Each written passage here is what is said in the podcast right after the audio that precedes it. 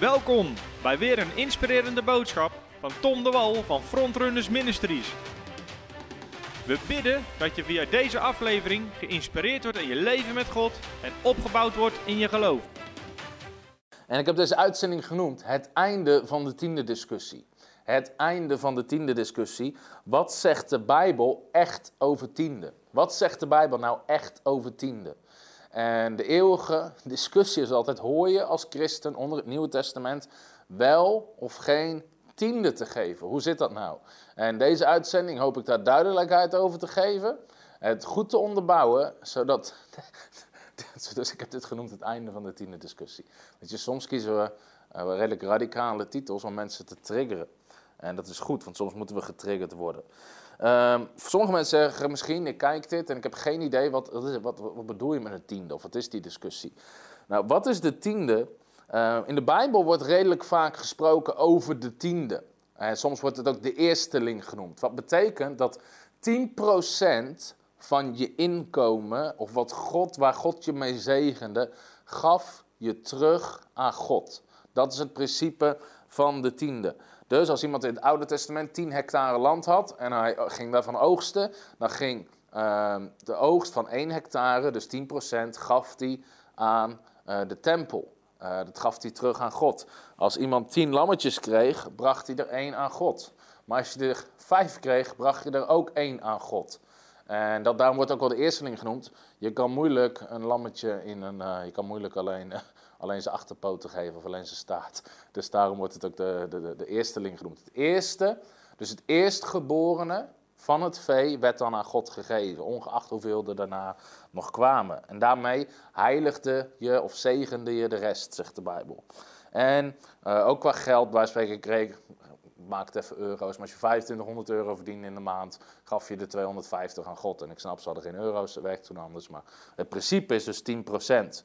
En de hoofdvraag is, horen christenen onder het Nieuwe Testament vandaag de dag tiende te geven? Is dat een bijbelse opdracht? Is dat iets wat God van ons vraagt? Is dat iets wat God van ons verlangt? Of niet? Of hoort het onder het Oude Testament, onder de wet van Mozes? En daarnaast ga ik nog veel meer over het onderwerp zeggen. Voordat ik er iets over ga zeggen, is het belangrijk om er zo objectief mogelijk naar te kijken.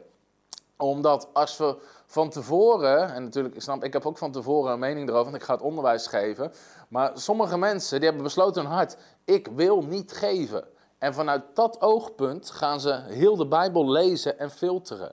En toen ik voor het eerst hoorde over tiende, was voor mij totaal nieuw. En ik denk dat ik een jaar of 18 was toen ik ervan hoorde. Ik had er nog nooit van gehoord in mijn leven. Ik wist niet wat het was. De eerste keer dat ik tiende hoorde, tien, tiende.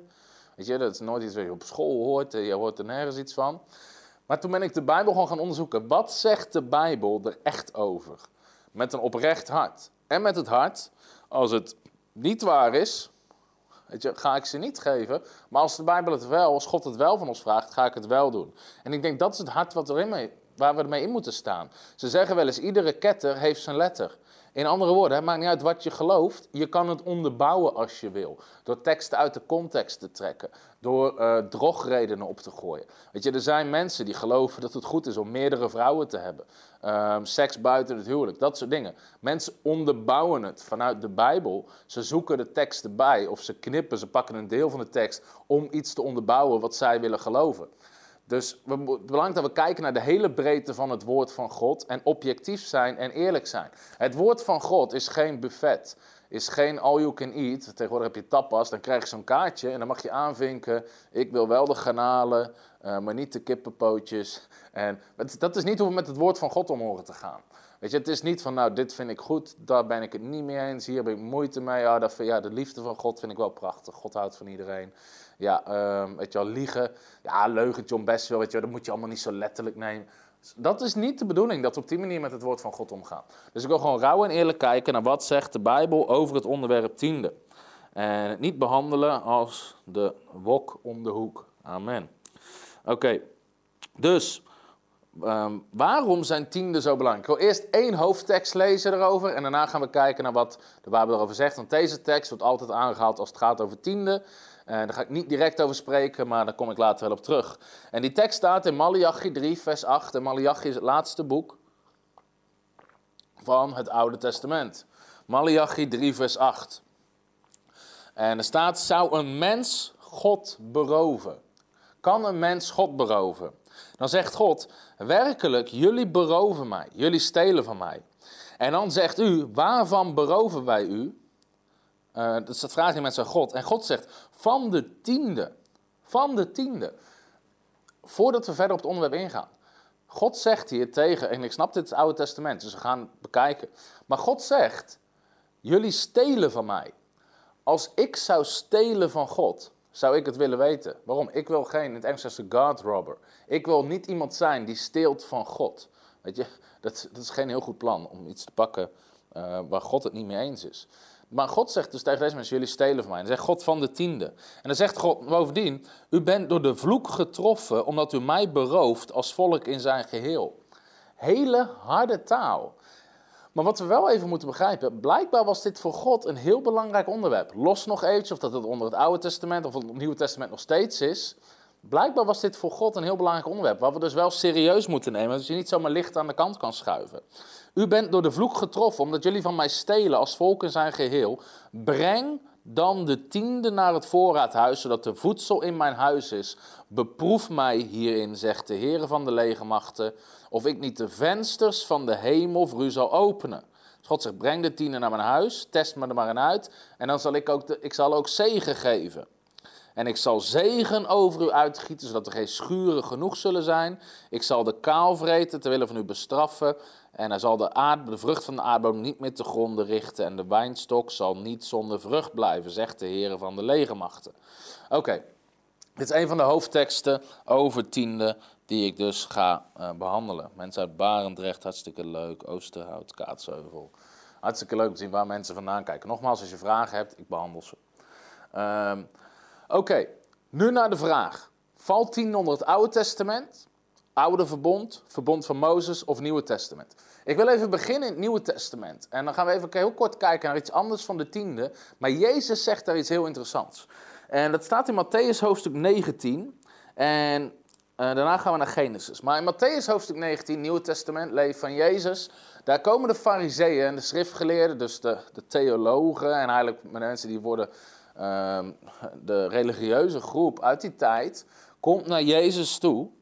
En dan zegt de Bijbel, ze probeerden hem te verzoeken. En vragen ze, is het toegestaan uh, om je vrouw weg te sturen? Een bijzondere vraag zou je zeggen.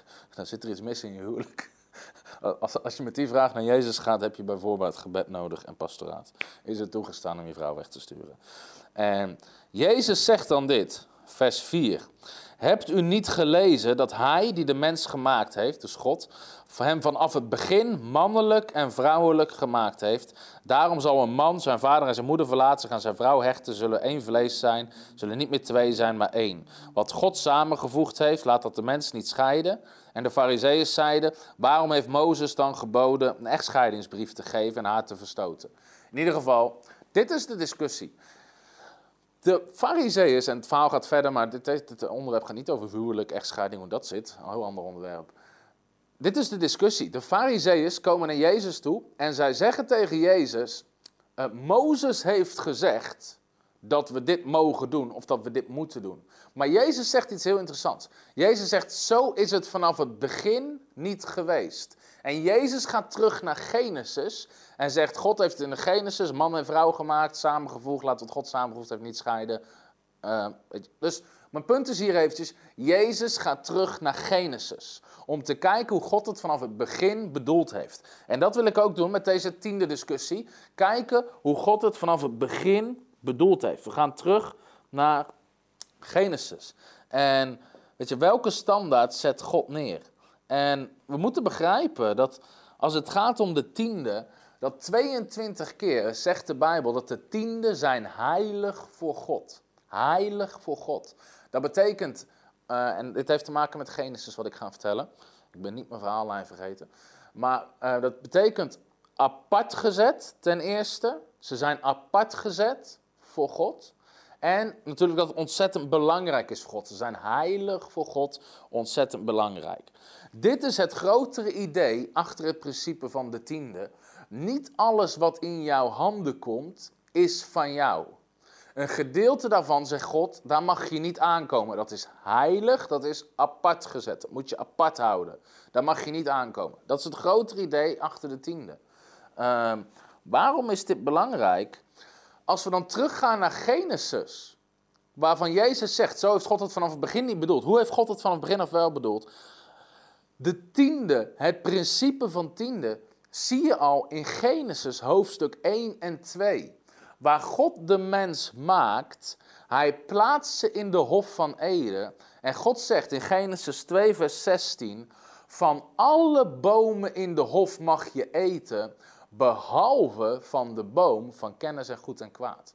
Wat is mijn punt? De boom van kennis en goed en kwaad was een tiende voor God.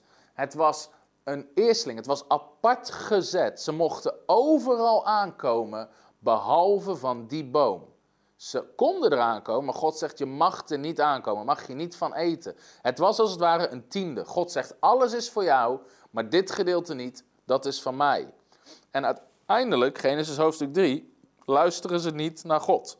En omdat ze niet luisteren naar God, wat gebeurt er? Ze brengen een vloek over de aarde. En vervolgens moeten ze in eigen kracht gaan werken. Weet je, met je eh, in het zweet, weet je, zal je werken, et cetera.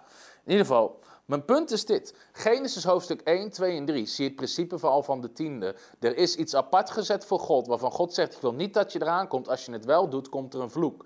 Exact hetzelfde wat God zegt in Malachi hoofdstuk 3. De tiende zijn van mij. Je steelt van mij als je eraan zit, want ze zijn van mij. Je berooft mij.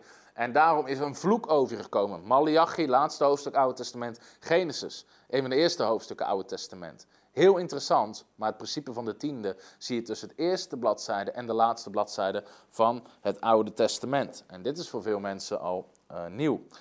Vervolgens, dus we hebben nou Genesis hoofdstuk 1, 2 en 3 gehad. De eerste drie hoofdstukken van Genesis. En daar zien we het principe van de tiende al heel krachtig.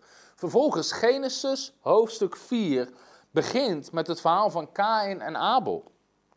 De Bijbel zegt, Adam had gemeenschap met Eva, zijn vrouw, en ze werd zwanger en ze baarde Kain. En zei, ik heb een man van de Heer gekregen. En ze baarde opnieuw en zijn broer Abel.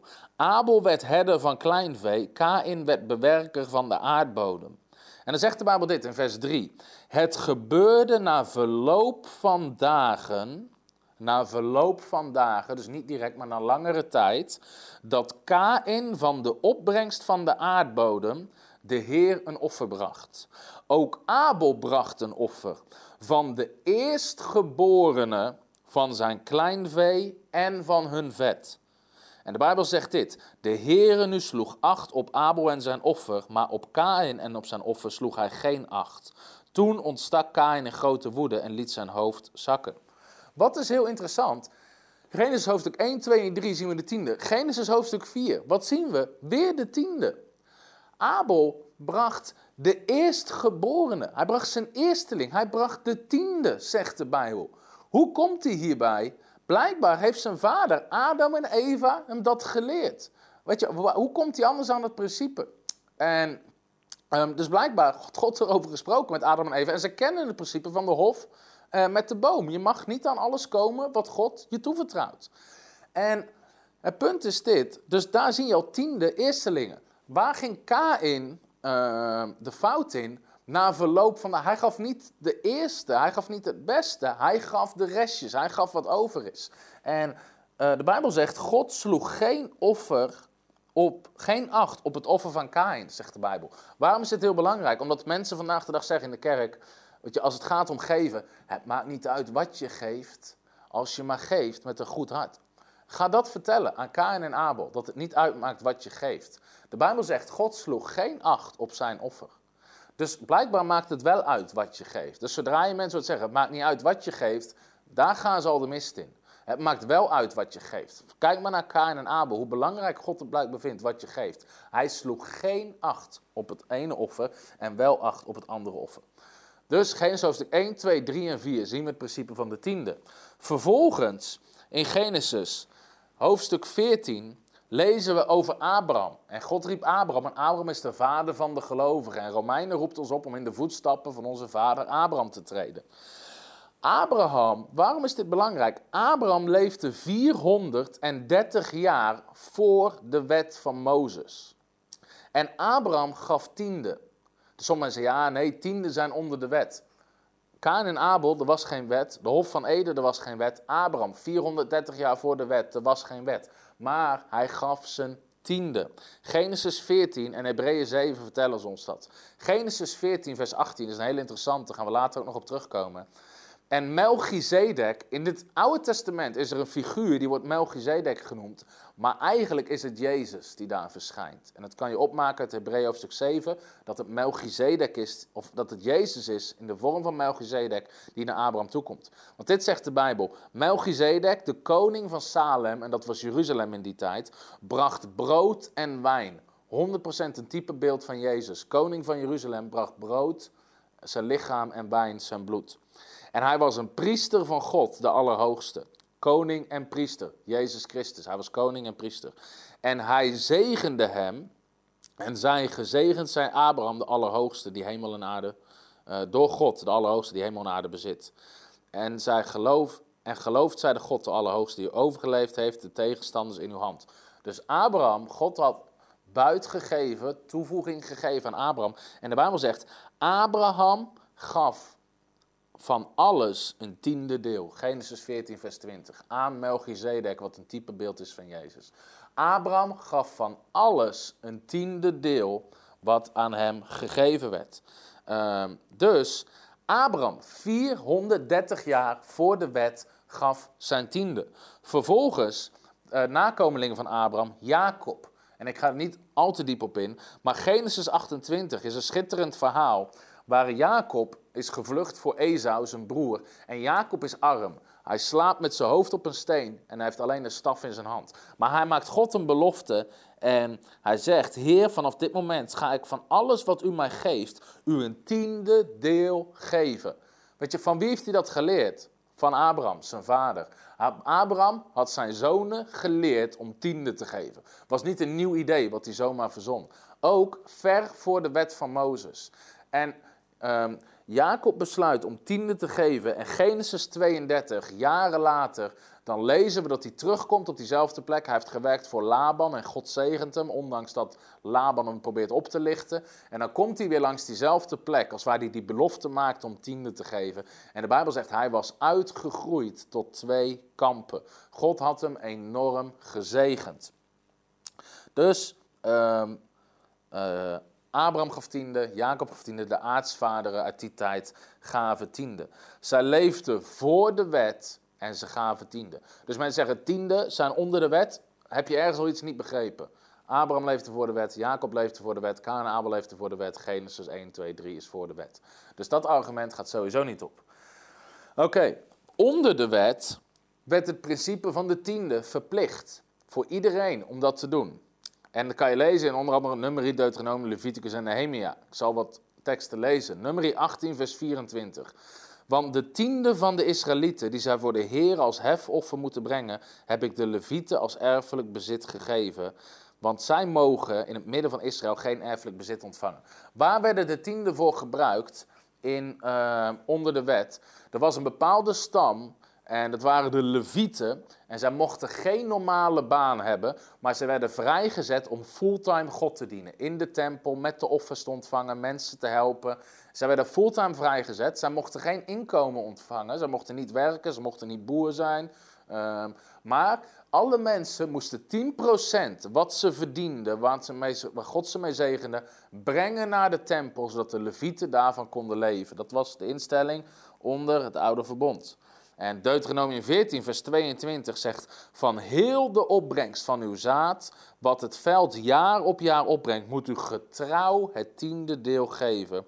Voor het aangezicht van de Heer uw God, op de plaats die hij zal uitkiezen om zijn naam daar te laten wonen, moet u de tiende van uw koren, uw wijn, uw olie, de eerstgeborene van uw runder en uw kleinvee eten, om de Heer uw God te vrezen alle dagen. Leviticus 27, vers 30 alle tienden van het land, zowel van het zaaigoed van het land als van de vrucht aan de boom, zijn voor de Heer bestemd. Ze zijn heilig voor de Heer. Apart gezet, heilig, belangrijk voor God. En uh, het interessante is, uh, Goed, kom ik later nog wel op. En Nehemia 10 zie je het ook. Je ziet in heel veel teksten, de levieten moesten de priesters ontvangen. En de levieten moesten zelf ook tiende geven. Belangrijk principe, wordt de tiende van de tiende genoemd. Uh, waarbij ik geloof dat ook wat je als bediening ontvangt, wat je als kerk ontvangt, hoor je tiende van te geven. De tiende van de tiende.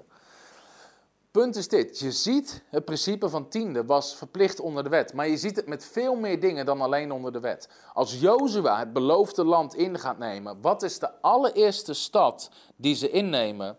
De allereerste stad is Jericho, van het beloofde land waar God ze mee gaat zegenen.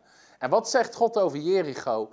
Van Jericho mag je niks aanraken. De hele buit was voor God. Ze mochten nergens aan zitten. En één iemand deed het wel en vervolgens brachten ze een vloek over zichzelf. Maar Jericho was een tiende. Het was apart gezet voor God. Het was heilig voor God. Dus je ziet het onder de wet in de regels, maar zelfs in dingen die God zegt. Beloof de land innemen, God begint zelf te spreken. Jericho blijf je af. Van alle andere steden mag je pakken wat je wil. Dus het principe van de tiende zien we keer op keer op keer op keer op keer terug voor, het, voor de wet, tijdens de wet, in allerlei andere principes waar God zelf over spreekt. Uh, mensen zoals Adam en Eva kennen het, Kain en Abel kennen het, Abraham kende het, zijn kinderen kennen het. Het was dus iets wat God mensen onderwees en de opdracht overgaf. En dan zeggen mensen, ja maar het Nieuwe Testament zegt niks over tiende. Fout, moet je nog een keer je Bijbel gaan lezen en dan moet je hem beter gaan lezen. Want het Nieuwe Testament zegt wel degelijk iets over tiende. En sommigen zeggen, ja, Jezus heeft, niks, heeft niet gezegd dat we tiende moeten geven. Ook fout. Nog een keer je Bijbel lezen. Jezus zegt wel iets over tiende geven. Heel veel mensen, die hebben of geen onderzoek gedaan, of zoals ik begon, ze willen het niet. Er zit iets in hun hart. En misschien is het hebzucht, het gevoel van ik, ik, ik, het is van mij, waardoor ze niet willen geven zonder dat ze oprecht de Bijbel hebben onderzocht. Dus mensen die zeggen, Jezus zegt niks over tiende, moeten nog een keer een Bijbel gaan lezen. En mensen zeggen, ja, het Nieuwe Testament zegt niks over tiende, ga nog een keer het Nieuwe Testament lezen. Ik ga je een aantal teksten geven waarin Jezus zelf spreekt over tiende. En wat het Nieuwe Testament zegt over tiende. De allereerste is Lucas 11, vers 42. En de laatste keer dat ik het checkte was Lucas in het Nieuwe Testament. En ik heb theologie gestudeerd, maar daar heb je geen theologie voor nodig. Daar hoef je alleen maar je inhoudsopgave voor te kunnen lezen. Lucas 11, vers 42. Daar zegt Jezus dit tegen de fariseeën en de schriftgeleerden. Jullie geven 10% van wat u heeft aan munt en andere kruiden aan de tempel. Maar jullie denken er niet aan om rechtvaardig te zijn en God lief te hebben. Daar komt het op aan. En dan zegt Jezus dit: Jullie moeten het ene doen en het andere niet nalaten. Dus Jezus bestraft de fariseeën. Hij zegt dit. Hij zegt, hij eigenlijk, jullie zijn wettisch. Je geeft tiende van de allerkleinste kruiden uit je tuin, bij wijze van spreken. Pak je 10% en geef je aan God.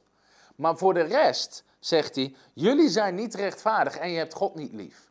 Jezus zegt daarna niet, weet je laat die tiende zitten, wees gewoon rechtvaardig en heb God lief. Want sommige mensen zeggen, weet je, het gaat erom dat we van God houden. Nee, Jezus zegt, dat moet je doen en het andere niet nalaten.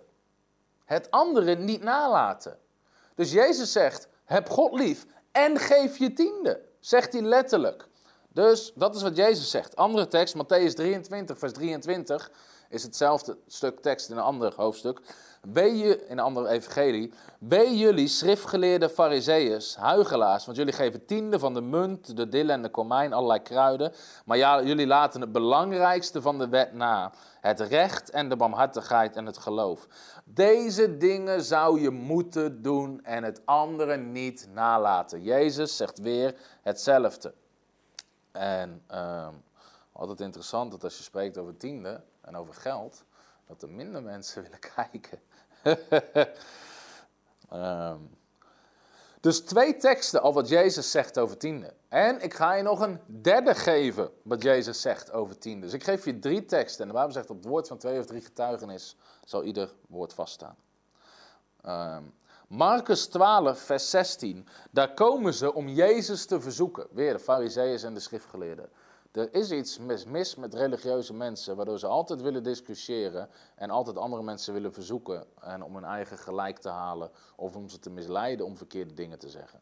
Dus, weet je, stop met domme discussies. Probeer mensen niet te misleiden om je eigen gelijk te halen en, ehm, en om mensen te betrappen om iets te zeggen wat jij graag wil horen.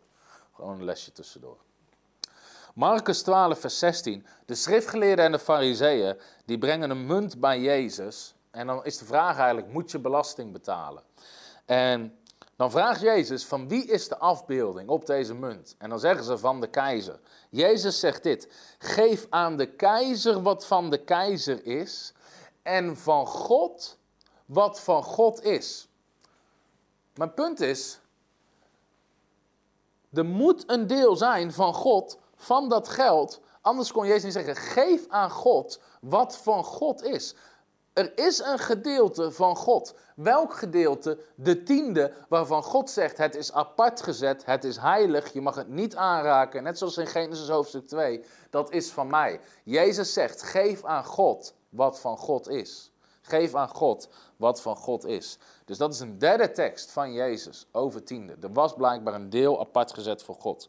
En ik ga je nog een vierde tekst geven uit het Nieuwe Testament.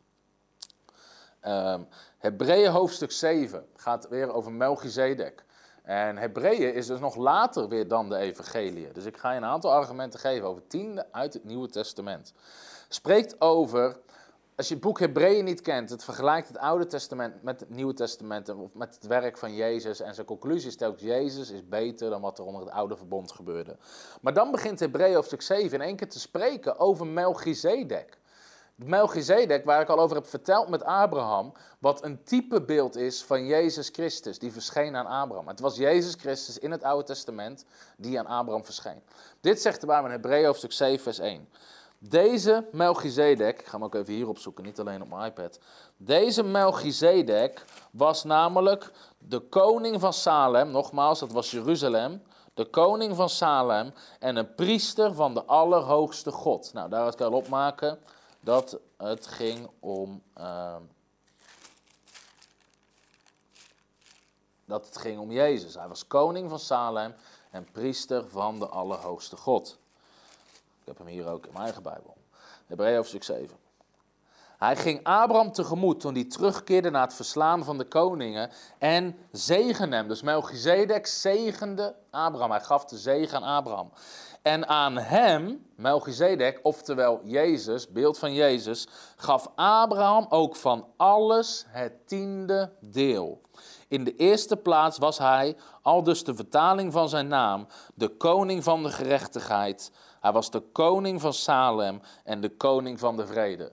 Nogmaals gaat over Jezus, koning van de gerechtigheid, koning van de vrede, koning van Jeruzalem. Zonder vader, zonder moeder, zonder stamboom kent hij geen, Melchizedek, geen begin van dagen en ook geen levenseinde. Maar aan de zoon van God gelijk gemaakt, blijft hij tot in eeuwigheid priester. Hebreeën spreekt over het priesterschap van Aaron en van de Levieten onder het Oude Testament, waarvan het zegt dat is weggedaan. Dat functioneert niet meer onder het Nieuwe Verbond. Maar er was iemand anders ook priester in het Oude Testament. Zijn naam was Melchizedek en dat gaat over Jezus. En hij blijft priester tot een eeuwigheid. En aan hem gaf Abraham tiende. Abraham gaf tiende aan Jezus. Merk nu op hoe groot hij geweest is. Iemand aan wie de aartsvader Abraham zelfs een tiende deel van de buit gegeven heeft. Degene uit de zonen van Levi die het priesterschap ontvangen, hebben wel volgens de wet de opdracht om tiende te nemen van het volk, dat is van hun broeders. Hoewel ze ook naar het lichaam, hoewel die ook uit het lichaam van Abraham voortgekomen zijn. Dus er worden twee priesterschappen tegenover elkaar gezet. Hij echter, Jezus of Melchizedek, die niet van hen afstamt, niet van Aaron, niet van de Levieten, heeft van Abraham de tiende genomen en hij heeft hem gezegend, die de belofte gekregen had. Nu is het ontegenzeggelijk zo dat wat minder is, gezegend wordt door wat meer is. Vers 8, opletten. En hier, en antwoorden nu, Nieuwe Testament, het boek Hebreeën, ongeveer 50 of 60 na Christus, nemen sterfelijke mensen tiende. Waarschijnlijk 50 na Christus, voor de mensen die het willen weten. Hier, nu, nemen sterfelijke mensen tiende. En daar nam iemand ze van wie getuigd wordt dat hij leeft. Jezus Christus. Nu, Nieuwe Testament, nemen sterfelijke mensen tiende.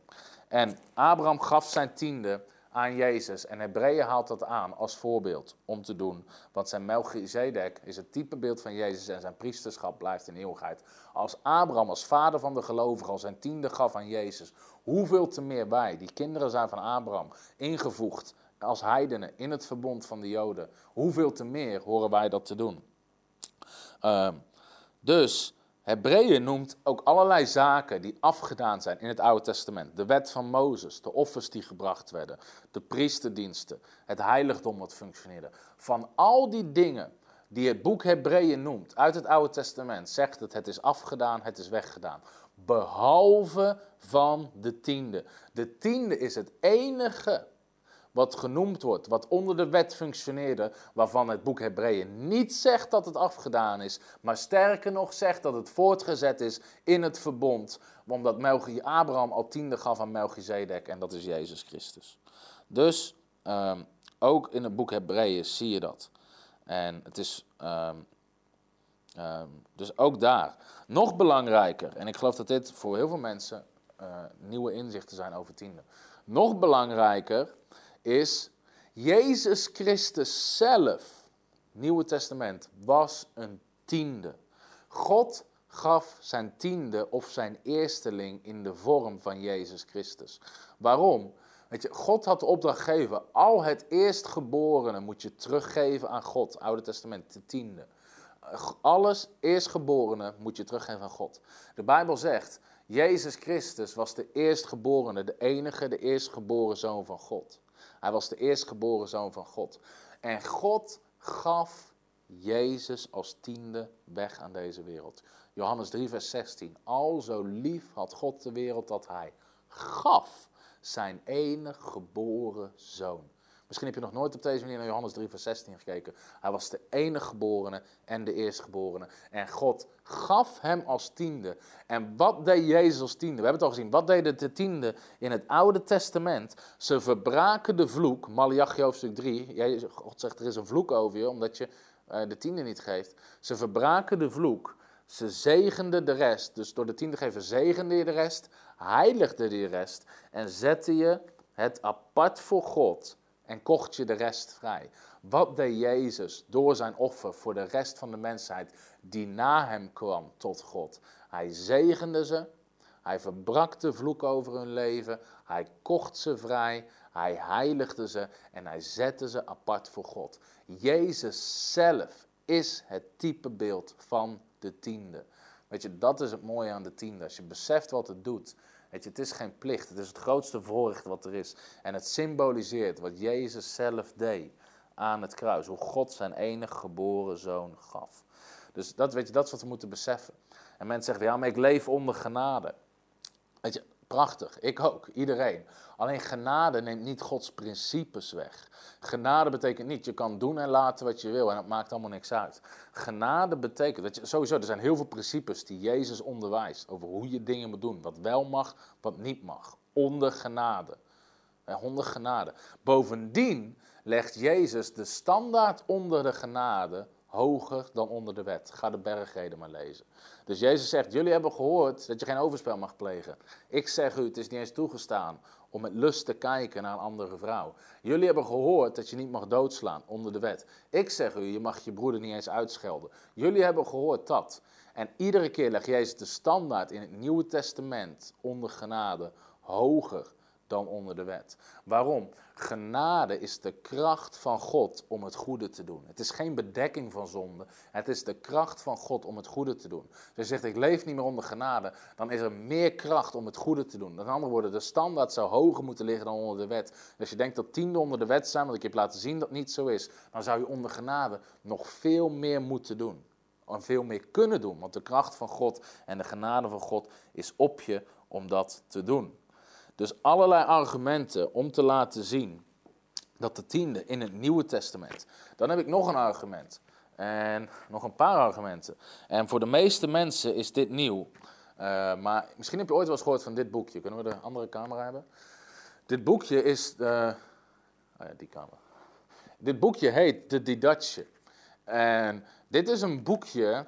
En wat, er zit een heel bijzonder verhaal achter omdat, um, ik kan een stukje uit de inleiding lezen, maar dit boekje was waarschijnlijk het eerste onderwijs, ja niet, niet deze druk natuurlijk, maar um, die rondging in de vroege kerk als een soort alfa-cursus, was het onderwijs wat ze rondstuurden onder elkaar, hoe je als christen elkaar moest gedragen, tijdens dat de brieven geschreven werden uh, of vlak daarna. En uh, we lezen van de kerkvaders, uh, Origenes, Antonianus, dat ze spreken over dit boekje.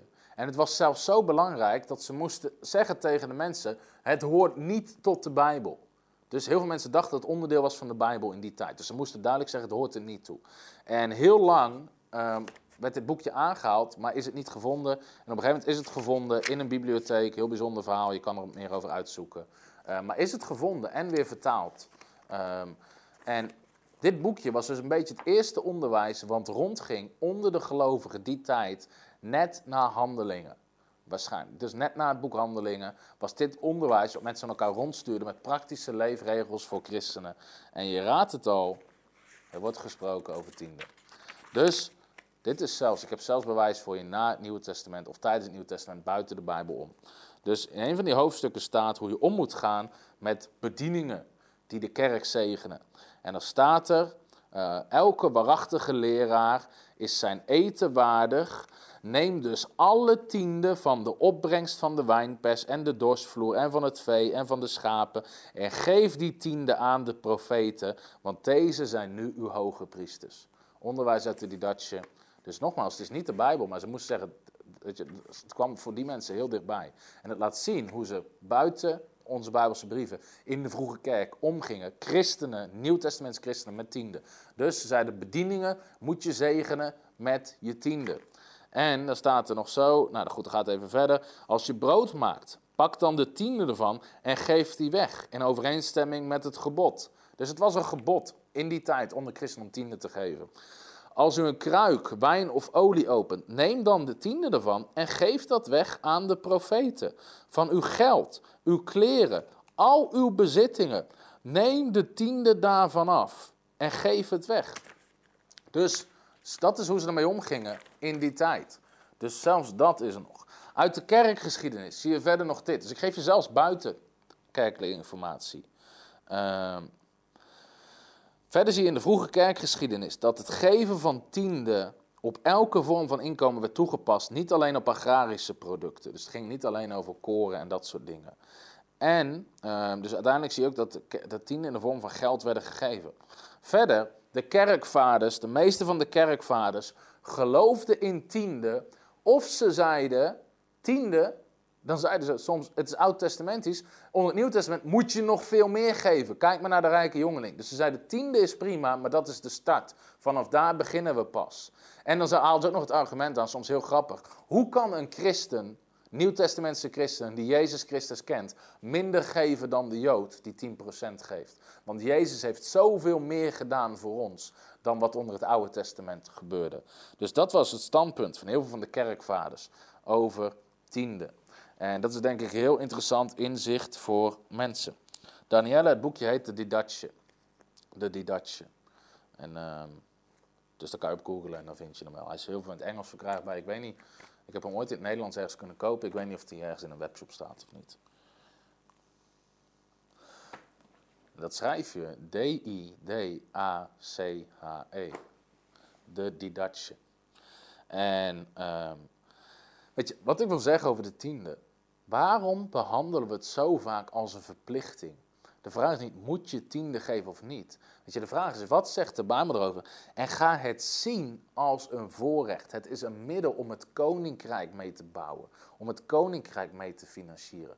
Sommige mensen hebben geen probleem om van alles met hun geld te doen. Ze gaan naar de Efteling, ze gaan naar pretparken, ze gaan op vakantie, ze gaan naar de McDonald's, ze gaan naar de bioscoop. Ze nemen een vrouw uit eten. Allemaal prima. Ze kopen laptop, telefoons, iPhones, telefoonabonnementen. Maar als het gaat om geven aan de kerk, Weet je, dan denken, ja, maar de, de kerk heeft toch mijn geld niet nodig. Weet je wel, in de kerk, weet je, ze vragen altijd om geld. Dezelfde mensen hebben geen moeite met bij een restaurant voor 100 euro uit eten te gaan. Dan zeggen ze ook niet, in dit restaurant gaat het alleen maar om geld. Weet je, daar vinden ze het logisch om geld te geven aan een restaurant. Maar als het om de kerk gaat, als het om Gods huis gaat, als het om Gods zaak gaat, dan, weet je, dan, is het, weet je, dan begrijp je iets niet. Dan gaat er iets mis in je hart als dat je standpunt is. Het is een voorrecht om het koninkrijk te mee te bouwen. Bovendien, weet je, God heeft een blijmoedig gegeven lief. Geef met een blij hart. Het is een blij, weet je, het is een vreugde om tiende te mogen geven.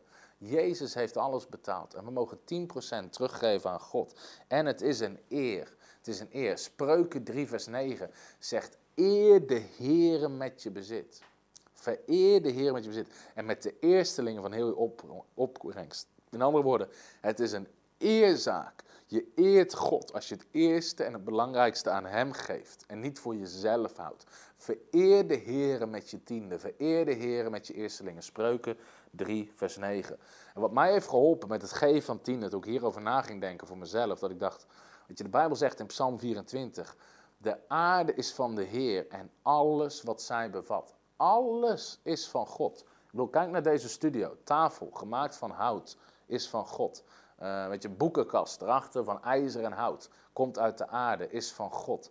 Uh, weet je, plastic hebben we gemaakt van olie, zit in de aarde, is van God. De lucht die ik nu inadem om deze uitzending te kunnen doen, is van God. Alles is van God. Alles is van God. En God vraagt daar 10% van terug, waarmee we erkennen dat alles van Hem komt. De 10% vertegenwoordigt de 100%. Het is dus het grootste voorrecht wat er is. Nogmaals, sommige mensen hebben geen moeite om naar de McDonald's te gaan voor 30 euro, 40% belasting te betalen, 50 eh, euro voor een telefoonabonnement, 250 euro voor, de, voor een pretpark, een nieuwe auto voor 10.000 euro, allemaal geen probleem. We gaan op vakantie, kost 1500 euro, maakt niet uit. Weet je, maar geven aan God, geven, geven, aan, geven aan het koninkrijk, weet je wel. En dan vullen ze in één keer 5 euro in, of 10 euro, of 50 euro. En Weet je, het gaat om verhouding. Maar weet je, sommigen hebben er geen probleem om een auto te kopen van 10.000 euro. Maar een gift van 10.000 euro moeten ze niet aan denken om dat te geven aan het koninkrijk. En de Bijbel zegt, zoek eerst het koninkrijk. Zet het koninkrijk op de eerste plek. En ik heb voor mezelf een besluit gemaakt. Het grootste bedrag wat ik weggeef in mijn leven gaat niet naar een auto, niet naar een vakantie en zelfs niet naar een huis. Maar dat ga ik doen om het koninkrijk van God te bouwen en te zegenen. Want dat heeft eeuwigheidswaarde. In ieder geval, dus de tiende is een eeuwig principe. Vanaf het begin, Genesis hoofdstuk 1, 2, 3, 4, Jacob, Abraham, ver voor de wet. Onder de wet van Mozes. Jezus zegt er drie keer iets over. Het boek Hebreeën schrijft er heel duidelijk over. Jezus zelf was een tiende. De didatje en ander onderwijs, kerkvaders onderwijs tiende. Tiende is een eeuwigdurend principe van God. Het is geen wet, het is een principe. Het is geen wet, het is een principe.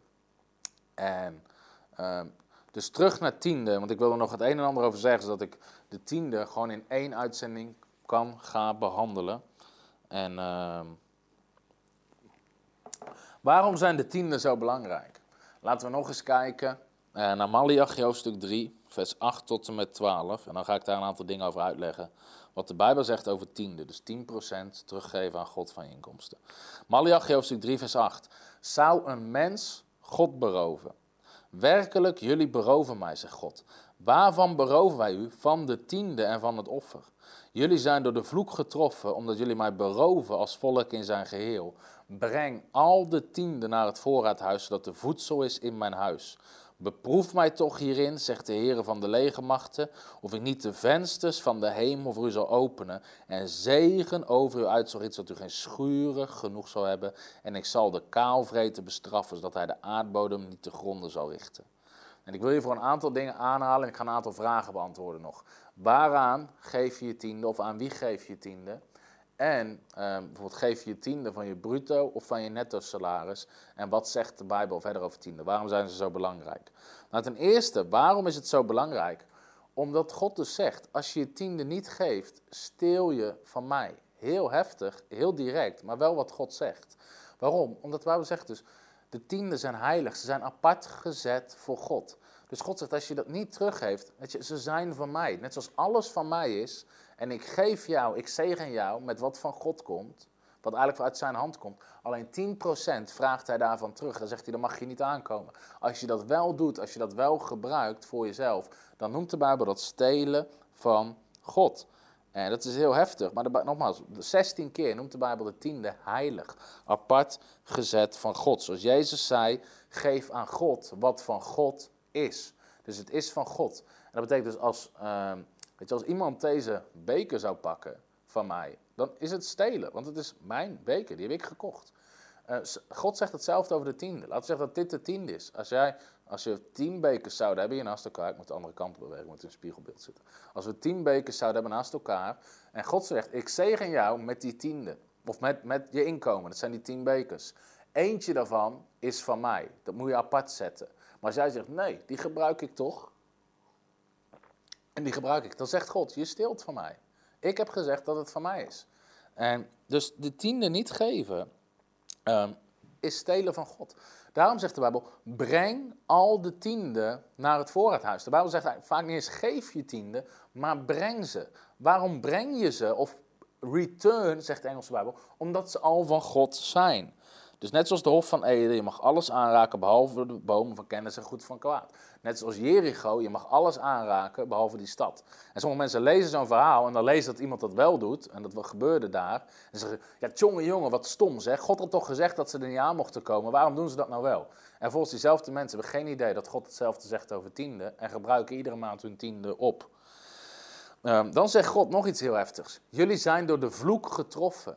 En ik kan denken, ja, maar dat, dat is wel heel direct als je zegt, joh, ik geef je tiende niet, dus God zegt er is een vloek over je leven. Maar dat is precies wat er gebeurde in Genesis hoofdstuk 2. Ze namen wat van God was en vervolgens kwam de vloek over de aarde. Wat betekent dat ze in eigen kracht moesten gaan functioneren. Terwijl God zegt, als je 10% teruggeeft aan mij, kijk wat er gebeurt, zegt God in Malachi hoofdstuk 3. Test me hier maar in uit. Ik ga de zegen over je leven brengen en de kaalvreter ga ik bestraffen. De kaalvreter is gewoon tegenspoed. Dingen die altijd misgaan. Daar zit een bepaalde macht achter. En God zegt, dat ga ik bestraffen.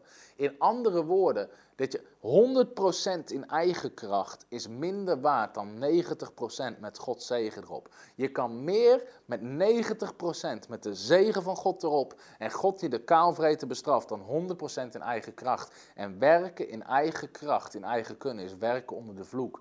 Werken in Gods kracht en met Gods zegen. Dat, je, dat is de zegen. Dus God zegt, als je je tiende niet geeft, dan ben je bezig in eigen kracht. Je probeert met alles wat je zelf kan het te proberen. Let maar op, zegt God, wat er gaat gebeuren als je mij daarin gaat vertrouwen. En daarom zeggen sommige mensen zeggen tegen mij: Ja, Tom, ik kan het niet veroorloven om tiende te geven. Ik zeg dan altijd: Sorry, weet je, ik kan het me niet veroorloven om ze niet te geven. Waarom? Ik heb de zegen van God harder nodig dan wat ik kan doen in eigen kracht. Ik heb de zegen harder nodig dan wat ik kan doen in eigen kracht. En ik denk dat er een stel zit te kijken, uh, wat onze Bijbelschool volgt. En die kwamen naar me toe op een gegeven moment en die zeiden: Joh, Tom, we hebben schulden. En we hebben iedere maand tekort en uh, op een of andere manier terechtgekomen, los van het verhaal hoe ze daarin terechtkwamen. En we horen je spreken over geven, maar we kunnen eigenlijk niet geven. Wat moeten we doen? En dus ik zei, joh, ik wil je gewoon uitdagen. Ga tiende geven. Ondanks dat je nu iedere maand tekort hebt en zelfs in schulden raakt. Ga tiende geven, want God zegt, ik ga mijn zegen over je uitgieten. Ik ga je schuren vullen en de kaalvreten bestraffen. En in geloof, en ik ben ontzettend trots op wat ze gedaan hebben, in geloof zijn ze gewoon hun tiende gaan geven. En ze hebben, uh, denk drie weken terug, hun getuigenis verteld op onze Bijbelschool. Het kwam absoluut niet uit om tiende te geven. Ze kwamen al niet uit aan, aan het eind van de maand. Laat staan 10% weg te geven. Maar ze deden het in geloof. En sinds die maand hebben ze geen maand meer tekort gehad iedere maand overgehouden. En ze hebben zelfs meer en meer en meer kunnen geven. En ze blijven maar overhouden. De kaalvreter is bestraft. Dingen die tegen zaten, stopten met tegenzitten. En de zegen van God kwam. Uit allerlei hoeken en gaten kwam de zegen en voorziening. Waardoor ze 90% met Gods zegen veel meer konden doen dan daarvoor 100% in eigen kracht. En ze zijn er heel eind op weg om helemaal uit de schulden te raken. Fantastisch getuigenis. En ook in mijn eigen leven heb ik het zo ervaren toen wij in fulltime bediening gingen. Altijd heb ik het principe van de tiende geëerd. En in het begin was het soms echt een geloofstrijd, omdat er, was niet genoeg voorziening om van te leven, om van te eten. Ondanks dat gaf ik altijd mijn tiende. Waarom? Ik heb harder de zegen nodig. Ik heb harder de zegen van God nodig dan wat ik kan doen in eigen kracht. Bovendien zegt God, het is van mij. Dus het is niet van mij om aan te komen. Het komt niet eens in mijn hoofd op om eraan te zitten. Want God zegt, het is van mij. Oké.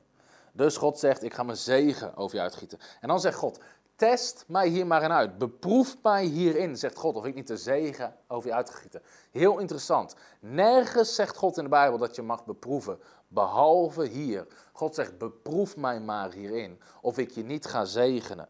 En de 10%, God zegt, test mij erin uit. 10%, de tiende, is symbolisch voor testen. 10%, het getal 10 in de Bijbel staat voor testen. Denk maar na uh, over hoe vaak, uh, hoeveel plagen kwamen er over Egypte die het hart van de farao testen. 10 keer. Hoe vaak werd het loon van uh, Jacob veranderd door Laban om te testen, om zijn hart te testen? 10 keer. Matthäus 25 spreekt over de wederkomst. En de tien wijze en dwaze maagden werden getest of dat ze klaar waren voor de wederkomst. Daniel, de profeet Daniel, in het boek Daniel, tien dagen lang werd hij getest of dat, hij, uh, of dat zijn dieet beter was dan dat van de anderen. Openbaringen 2 vers 10 spreekt over de gelovigen die tien dagen getest worden en moeten volharden. 10 in de Bijbel, het getal 10 staat voor testen. God test jou met tiende en jij test God. Jij test of God voorziet als je 10% geeft, maar God test jou ook.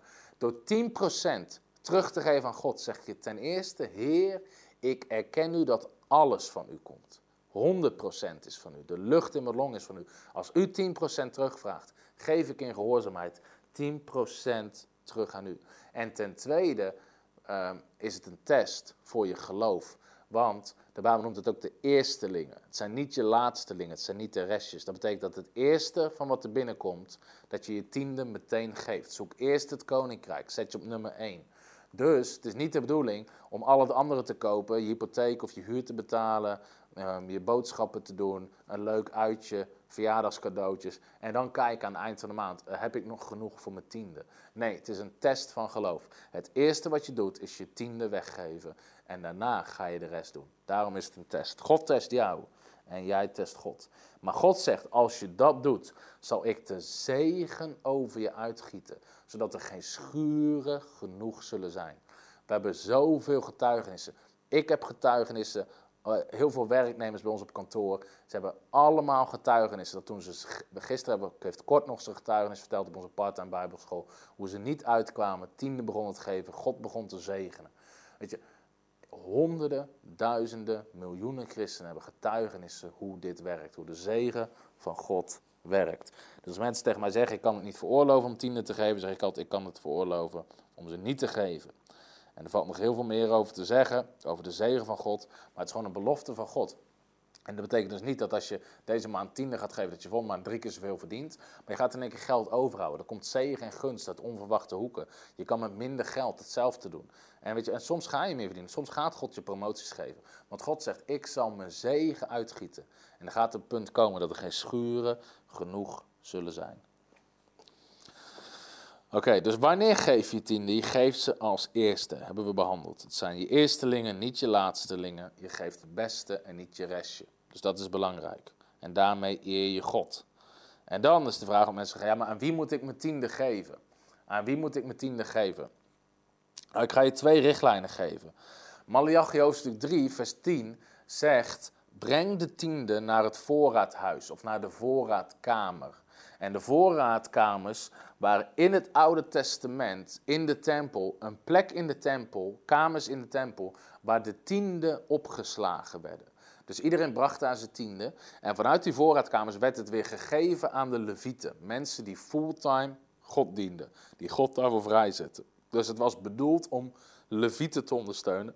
Mensen die fulltime God dienden. Dus dat is de eerste richtlijn. De tienden zijn bedoeld zodat God mensen vrij kan zetten om fulltime in het koninkrijk te dienen. Dat is de hoofdfunctie van de tiende. Natuurlijk, de, het echte hoofdfunctie is God eren en het is een test. Maar wat ermee gedaan wordt, is altijd om levieten. Je moest het brengen naar de voorraadkamer. Sommigen zeggen, ja, dat is de kerk, dat is jouw voorraadkamer.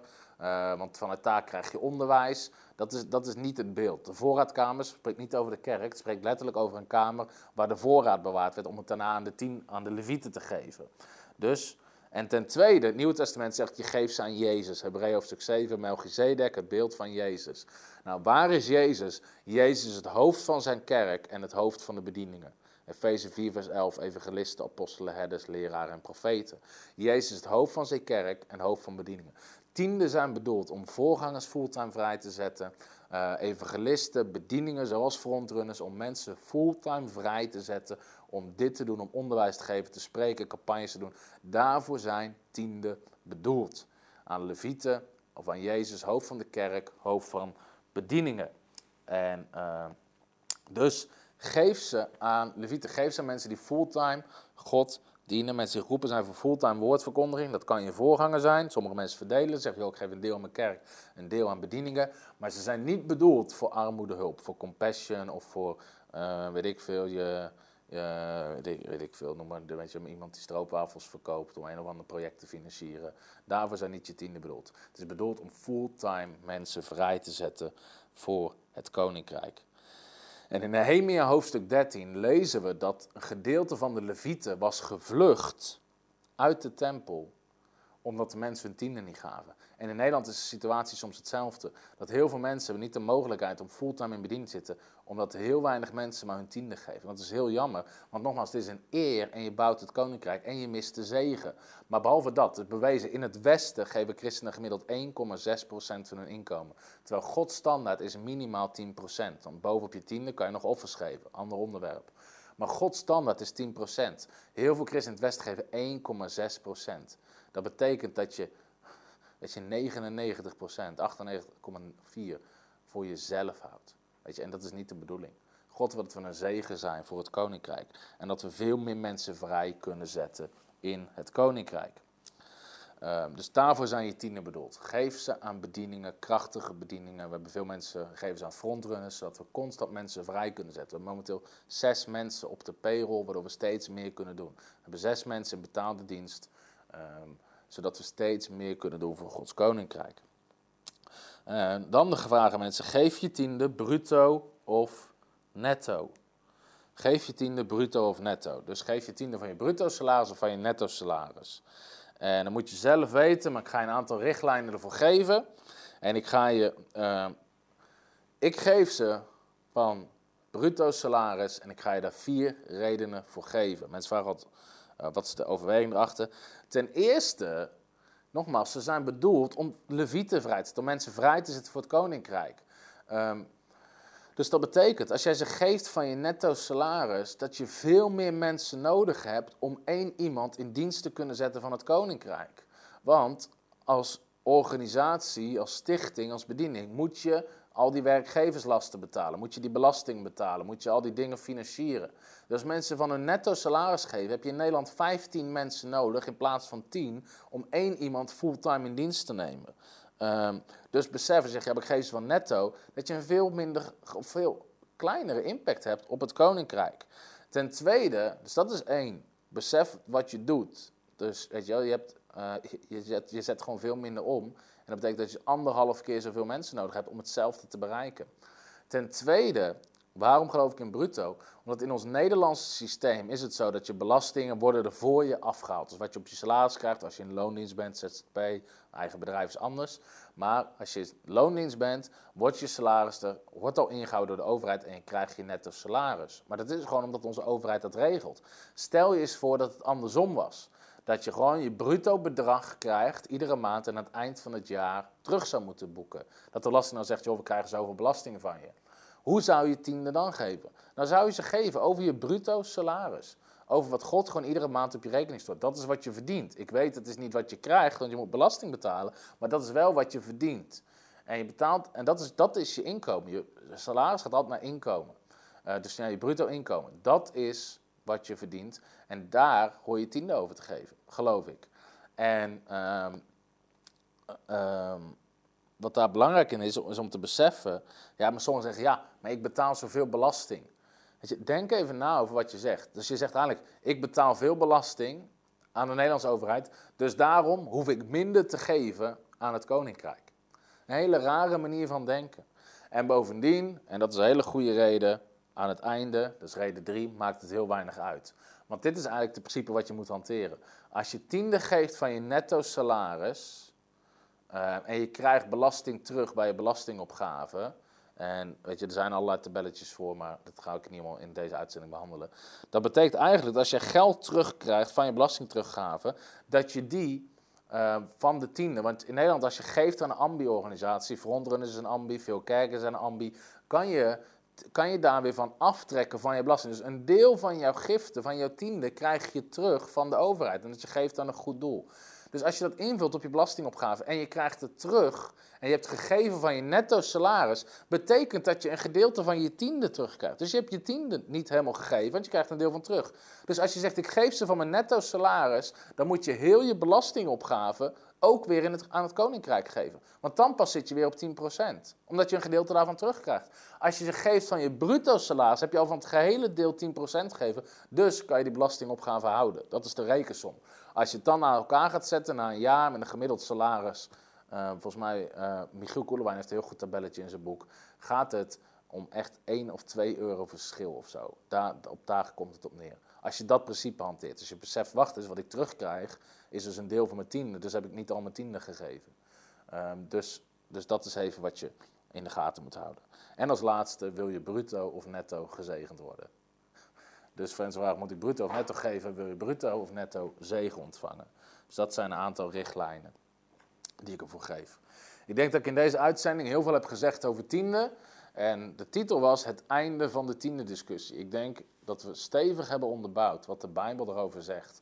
Ver voor de wet. Al Genesis hoofdstuk 1, 2 en 3, onder de wet. Uh, wat Jezus erover zegt. Wat andere Nieuw-Testamentse boeken erover zeggen. Wat buiten Bijbelse bronnen. De eerste christenen, hoe die het deden. Hoe de kerkvaders erop keken. Allemaal dat soort dingen hebben we behandeld. Maar bovenal, het is een voorrecht, het is een principe. Weet je, ik zou, ik zou geen maand, geen dag niet mijn tiende willen geven. Het is zo'n voorrecht om het koninkrijk te mogen bouwen met wat God in je hand geeft. Om mensen vrij te zetten om te dienen in het koninkrijk. Om God te eren, om te zeggen, Heer, ik herken, alles is van u. En ik geef dit terug aan u. En dat God dan zegt, ik zal de zegen over je uitgieten. En de kaalvreten bestraffen. Dat is wat tienden doen. Dus ik wil je uitdagen, ga het testen en ga het gewoon doen. Wees een doener. Wees een doener van het woord en niet alleen een hoorder. En als je meer mensen hebt gehoord die denken dat tienden niet voor vandaag zijn, weet je, stuur deze uitzending naar ze door en zeg gewoon, joh, weet je, luister dit eens. Luister dit eens over tiende. En besef, we zijn hier om het koninkrijk te bouwen.